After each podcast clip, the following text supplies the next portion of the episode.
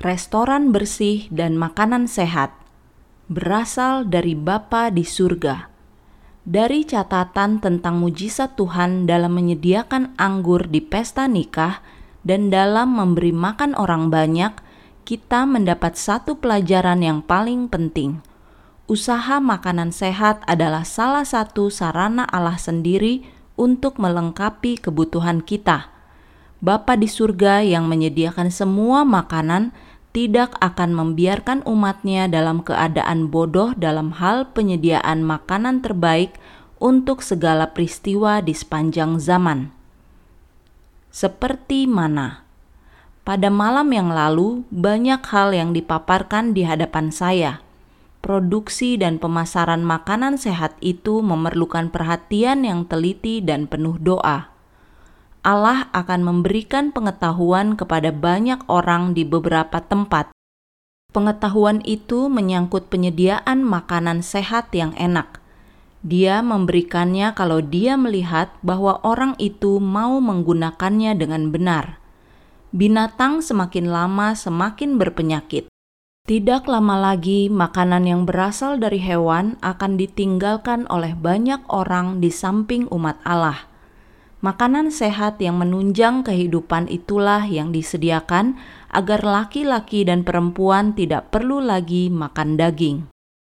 Tuhan akan mengajar banyak orang di semua pelosok bumi untuk menggabungkan buah-buahan, biji-bijian, dan sayuran menjadi makanan yang menunjang kehidupan dan yang tidak menimbulkan penyakit. Menu makanan sehat sekarang dipasarkan mereka yang belum pernah melihatnya akan menggunakan kecakapan untuk mengolah makanan alamiah. Mereka akan mendapat terang mengenai penggunaan bahan makanan ini. Allah akan menunjukkan kepada mereka apa yang mereka harus lakukan. Allah memberikan kecakapan dan pengertian kepada umatnya di satu bagian dunia ini. Dia juga memberikannya kepada umatnya di bagian lain dunia ini adalah rencana Allah agar persediaan makanan di setiap negeri disediakan begitu rupa untuk digunakan di tempat itu sendiri. Sebagaimana Allah telah memberikan mana untuk memelihara kelangsungan hidup bangsa Israel, demikian pula sekarang Dia memberikan kepada umatnya di pelbagai tempat keterampilan dan kebijaksanaan untuk menggunakannya sebagai pengganti makanan daging Allah memberikan mana dari surga bagi bangsa Israel. Allah yang sama itulah yang hidup dan memerintah. Dia akan memberikan keterampilan dan pengetahuan akan penyediaan makanan sehat. Dia akan menuntun umatnya dalam penyediaan makanan yang menyehatkan. Dia ingin menyaksikan mereka dalam penyediaan makanan yang demikian. Mereka menyediakannya bukan hanya untuk anggota keluarga, tetapi juga menolong orang miskin, karena inilah kewajiban umatnya. Mereka harus menunjukkan kedermawanan orang Kristen sambil menyadari bahwa mereka mewakili Allah dan bahwa apa saja yang mereka miliki adalah pemberiannya. Pengetahuan dari surga Tuhan akan memberikan kepada umatnya satu pengetahuan tentang makanan yang dibarui, itu adalah bagian penting dari pendidikan yang harus diberikan di sekolah-sekolah kita. Sementara kebenaran ini diberikan di tempat-tempat baru, pelajaran masak-memasak dengan cara yang bersih harus diberikan juga. Ajarlah orang-orang bagaimana mereka hidup tanpa menggunakan makanan daging. Ajarkanlah kesederhanaan hidup kepada mereka. Tuhan telah bekerja dan masih bekerja dia memimpin manusia dalam menyediakan makanan sederhana yang terbuat dari buah-buahan dan biji-bijian. Makanan ini lebih murah daripada yang dapat dibeli di pasar atau restoran. Memang banyak orang tidak sanggup memperoleh persediaan makanan yang mahal ini. Namun mereka tidak perlu hidup dengan makanan yang serba minim Allah telah memberikan makanan ribuan orang di padang belantara dengan mana dari surga, Allah yang sama akan memberikan kepada umatnya sekarang ini satu pengetahuan bagaimana cara penyediaan makanan yang sederhana. Ketika pekabaran menjangkau orang yang belum mendengar kebenaran zaman ini, mereka melihat bahwa satu reformasi besar yang menyangkut makanan harus diadakan. Mereka melihat bahwa mereka harus meninggalkan makanan daging karena makanan itu membangkitkan selera untuk minuman keras dan memenuhi tubuh dengan bibit penyakit. Kuasa tubuh, mental, dan moral akan dilemahkan kalau kita memakan daging. Manusia dibangun dari apa yang mereka makan. Nafsu kebinatangan merajalela sebagai akibat dari makan daging, penggunaan tembakau, dan minuman keras. Allah akan memberikan akal budi kepada umatnya untuk menyediakan makanan dari hasil bumi, yaitu makanan yang menggantikan makanan daging. Perpaduan sederhana antara kacang, biji-bijian, dan buah-buahan akan meyakinkan orang yang tidak percaya jikalau makanan itu diolah secara terampil supaya lezat. Tetapi sebagaimana lazimnya, terlalu banyak kacang digunakan sebagai bahan kombinasi. Sederhana, mudah disediakan, menyehatkan. Sekarang saya harus memberikan kepada saudara-saudaraku petunjuk yang telah diberikan Tuhan pada saya mengenai masalah makanan sehat. Masalah makanan sehat dianggap oleh banyak orang seperti gagasan manusia, padahal itu berasal dari Allah sebagai satu berkat bagi umatnya. Pekerjaan membuat makanan sehat adalah pusaka milik Allah. Janganlah membuat keuntungan pribadi daripadanya dengan bermain spekulasi ekonomi. Terang yang telah dipancarkan Allah dan akan dipancarkan lagi mengenai makanan diperuntukkan bagi umatnya pada zaman ini seperti mana bagi Israel. Mana jatuh dari surga. Bangsa itu disuruh mengumpulkannya dan menyediakannya sebagai makanan.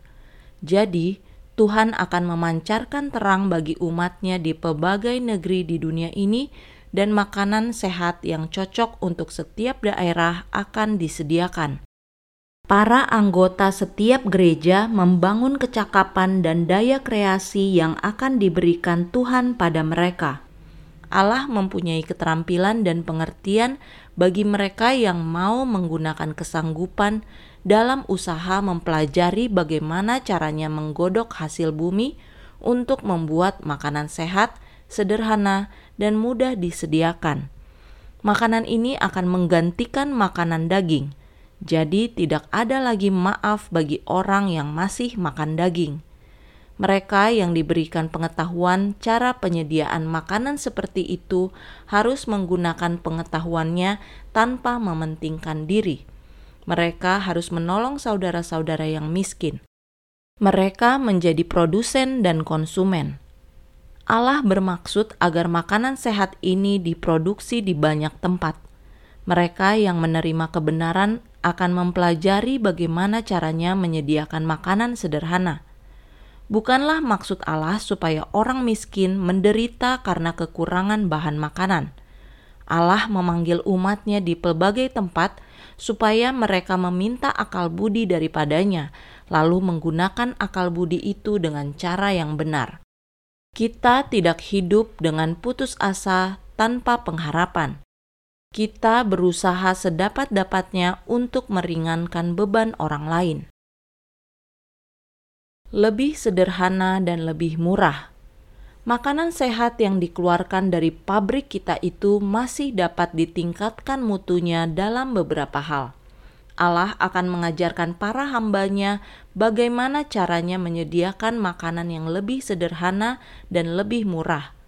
Ada banyak orang yang akan diajar di bidang ini sekiranya mereka berjalan dalam nasihatnya dan berdamai dengan saudara-saudaranya membeli dan memasak makanan yang jauh lebih murah dan menyediakannya dalam bentuk yang bergizi itu akan mencapai semua maksud. Usahakanlah menyediakan biji-bijian dan buah-buahan yang lebih murah. Semuanya ini diberikan Allah kepada kita dengan bebasnya untuk memenuhi kebutuhan kita. Penyediaan makanan yang mahal tidak menjamin kesehatan kita akan mendapat tingkat kesehatan yang sama kalau kita menggunakan buah-buahan, biji-bijian, dan sayuran yang disediakan dengan cara yang sederhana. Adalah bijaksana bagi kita untuk menyediakan makanan sehat, sederhana, dan tidak mahal, karena banyak di antara kita orang miskin. Sediakanlah makanan sehat yang dapat dijual dengan harga yang dapat dijangkau orang miskin Itulah rencana Allah supaya orang yang paling miskin di setiap tempat dapat memperoleh makanan sehat yang tidak mahal. Kita perlu mendirikan pabrik makanan di banyak tempat untuk memproduksi makanan seperti ini. Sesuatu yang menjadi berkat kepada pekerjaan itu di satu tempat akan menjadi berkat di tempat lain di mana orang sukar mencari uang. Allah bekerja demi umatnya. Dia tidak menginginkan umatnya tanpa sumber penghidupan. Dia membawa mereka kembali kepada jenis makanan yang pada mulanya diberikan kepada manusia. Makanan mereka itu terbuat dari bahan yang sudah disediakannya. Bahan makanan ini pada dasarnya terdiri dari buah-buahan dan biji-bijian dan sayuran, ditambah dengan pelbagai macam akar dan umbi-umbian. Musim paceklik datang, makanan disederhanakan. Pengolahan makanan belum mencapai taraf kesempurnaan. Masih banyak yang harus dipelajari di bidang ini Tuhan menginginkan pikiran umatnya di seluruh dunia supaya mereka sanggup menerima buah pikiran Allah tentang penggabungan bahan tertentu untuk produksi makanan. Makanan seperti ini dibutuhkan tetapi belum diproduksi. Sementara musim paceklik, kekeringan dan malapetaka melanda dunia ini semakin lama semakin meningkat, maka produksi makanan sehat akan lebih disederhanakan mereka yang bekerja di bidang ini harus senantiasa belajar dari guru agung yang mengasihi umatnya dan memperhatikan kebaikan mereka. Pelajaran Kristus mengenai ekonomi. Ada banyak hal yang menantang dalam pekerjaan ini. Hasil bumi yang menyehatkan harus diolah untuk memproduksi makanan sehat yang tidak mahal. Usaha makanan ini harus didoakan dengan sungguh-sungguh biarlah jemaat memohon akal budi dari Allah untuk penyediaan makanan yang menyehatkan. Yesus telah memberi makan lima ribu orang dengan lima ketul roti dan dua ekor ikan. Dia sendirilah yang mencukupi kebutuhan umatnya dewasa ini. Setelah Kristus melakukan mujizat ini, dia memberikan pelajaran mengenai penghematan. Setelah semua orang banyak yang lapar itu kenyang, dia katakan, kumpulkanlah potongan-potongan yang lebih supaya tidak ada yang terbuang. Maka mereka mengumpulkannya dan mengisi dua belas bakul penuh dengan potongan-potongan kelima roti jelai yang lebih setelah orang makan. Makanan produksi lokal di pelbagai daerah. Tuhan akan memberikan kecakapan mengenai makanan sehat kepada banyak orang di pelbagai daerah, dia dapat menyediakan makanan di atas meja makan di padang belantara.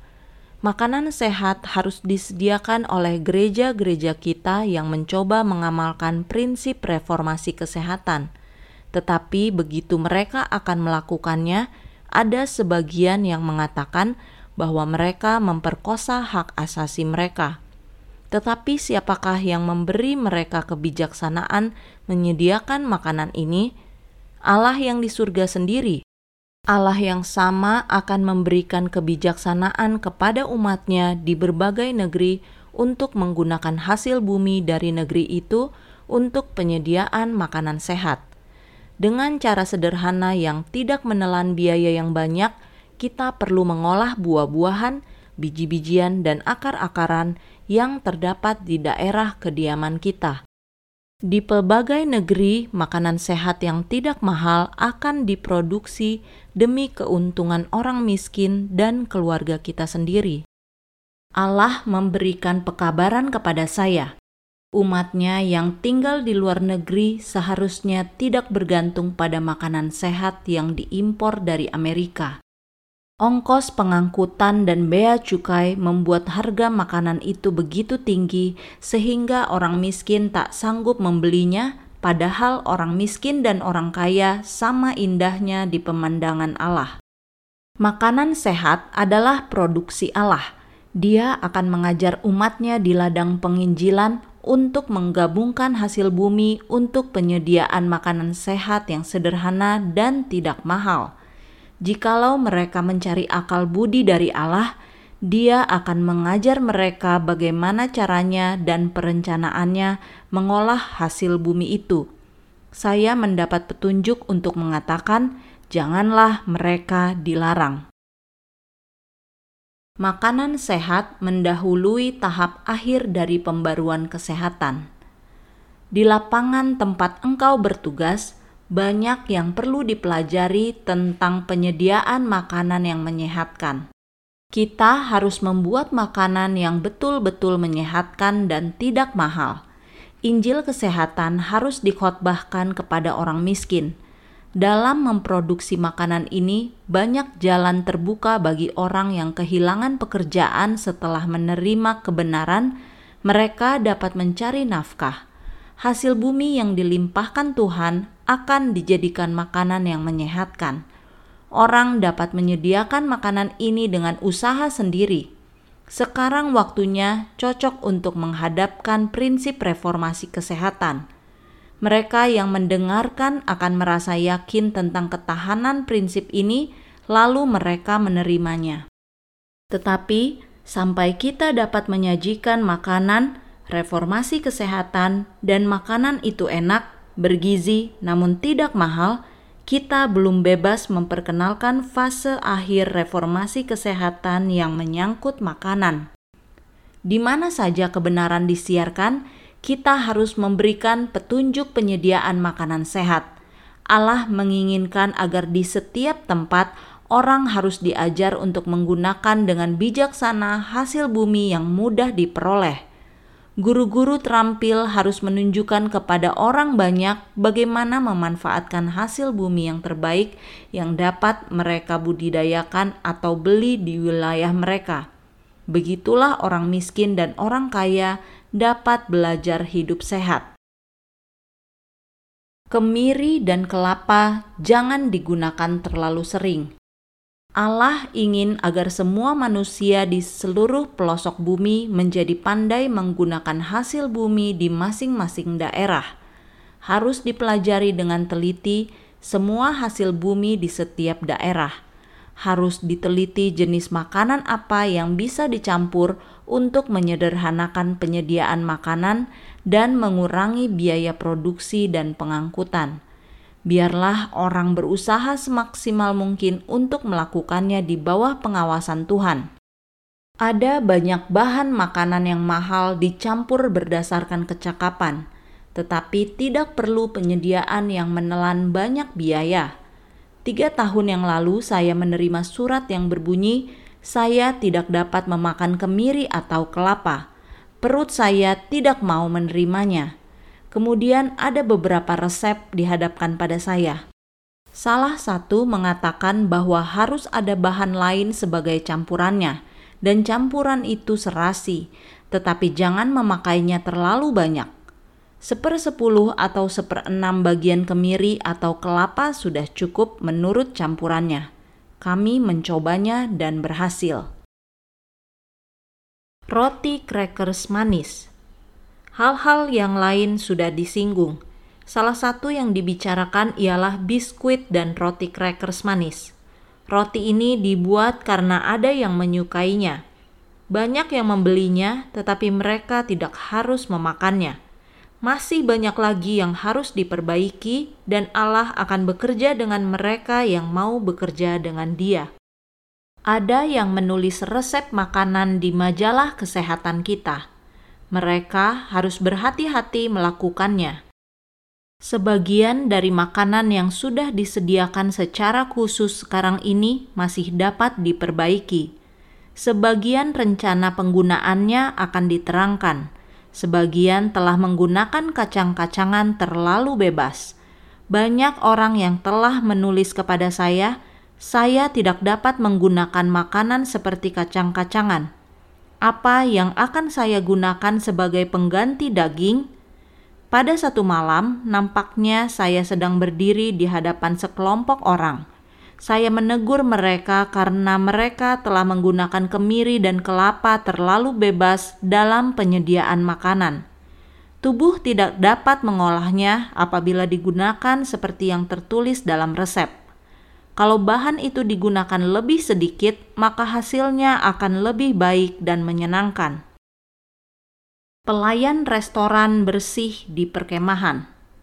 Pada pertemuan perkemahan, adakanlah pengaturan sedemikian sehingga orang miskin dapat memperoleh makanan sehat yang sudah disediakan dengan harga yang serendah-rendahnya harus ada restoran di mana makanan yang menyehatkan disediakan dan disajikan dengan cara yang menarik selera. Ini akan terbukti menjadi pendidikan yang baik kepada orang yang bukan seiman dengan kita. Janganlah bidang pekerjaan ini dianggap terpisah dari bidang lainnya dalam tugas perkemahan. Setiap bidang pekerjaan Tuhan sangat erat hubungannya dengan yang lain semuanya harus dimajukan dengan menjaga keserasian.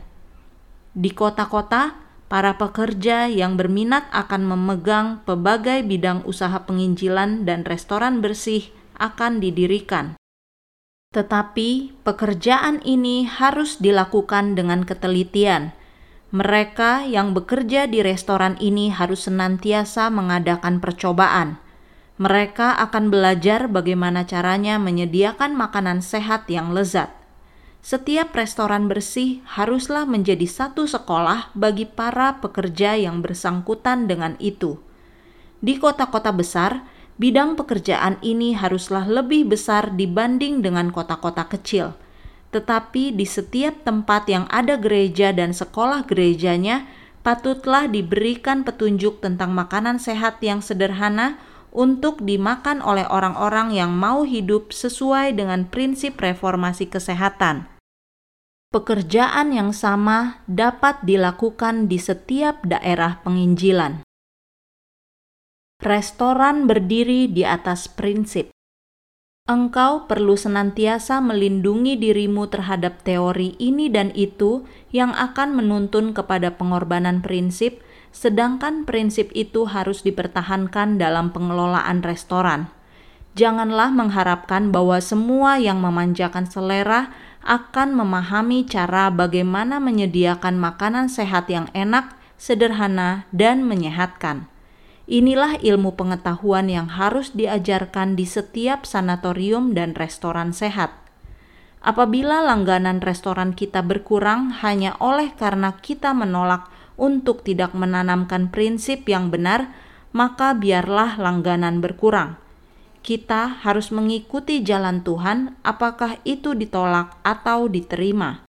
Saya mengemukakan hal ini kepadamu dalam surat saya untuk menolong Anda untuk tetap berpegang pada yang benar dan menjauhkan apa yang kita tidak boleh masukkan ke dalam restoran dan sanatorium kita tanpa mengorbankan prinsip. Di restoran-restoran kita di kota-kota besar, ada bahaya adanya kombinasi makanan yang disajikan sudah terlalu jauh dari prinsip. Perut itu menderita karena terlalu banyak macam makanan yang dimasukkan pada satu kali makan. Kesederhanaan merupakan bagian dari reformasi kesehatan. Adalah merupakan bahaya apabila pekerjaan kita tidak sesuai lagi dengan namanya Apabila kita mau mengadakan reformasi kesehatan, maka sangatlah perlu untuk menahan selera kita. Makanlah secara perlahan, dan makanan harus mempunyai variasi yang terbatas. Petunjuk ini haruslah diberikan berulang-ulang. Tidaklah sesuai dengan prinsip reformasi kesehatan apabila begitu banyak macam makanan pada satu kali makan. Janganlah kita lupa bahwa adalah bagian dari pekerjaan keagamaan, pekerjaan menyediakan makanan bagi jiwa. Hal itu adalah lebih penting dari pekerjaan lainnya. Telah ditunjukkan kepada saya bahwa kita harus jangan merasa puas hanya karena kita sudah mempunyai sebuah restoran vegetaris di Brooklyn tetapi yang lain harus didirikan di beberapa bagian kota itu.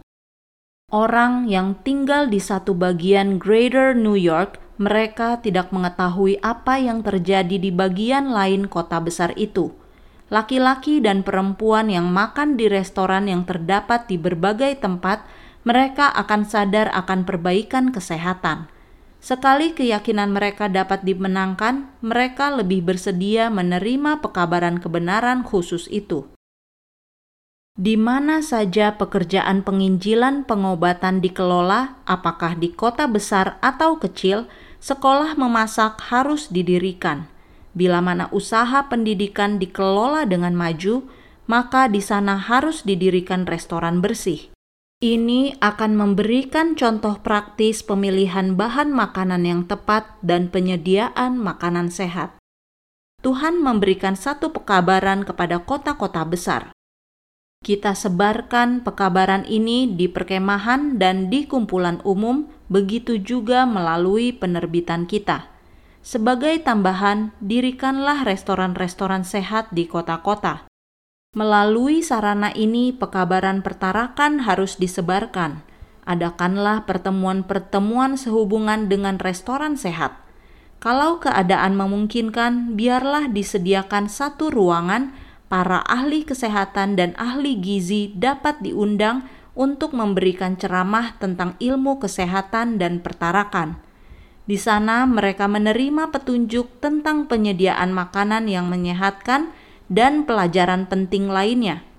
Dalam pertemuan ini, adakanlah permintaan doa, nyanyian, dan pembicaraan, bukan hanya tentang kesehatan dan pertarakan, tetapi juga pelajaran Alkitab lainnya yang cocok sementara orang-orang diajar bagaimana memelihara kesehatan. Banyak kesempatan yang diperoleh untuk menabur bibit Injil kerajaan itu. Tugas utama penginjilan makanan sehat. Apabila penginjilan Kristus diselenggarakan begitu rupa sehingga menarik perhatian khalayak ramai, maka pekerjaan pengelolaan makanan sehat dapat memperoleh keuntungan tetapi saya mengangkat suara amaran kalau usaha itu hanya produksi makanan saja demi keperluan tubuh. Adalah satu kesalahan fatal dalam menggunakan begitu banyak waktu dan mengarahkan segenap talenta laki-laki dan perempuan untuk memproduksi makanan, sedangkan tidak ada usaha khusus pada waktu yang sama untuk menyajikan roti hidup kepada kalayak ramai bahaya besar mengancam satu usaha kalau tidak bertujuan pada wahyu jalan hidup yang kekal.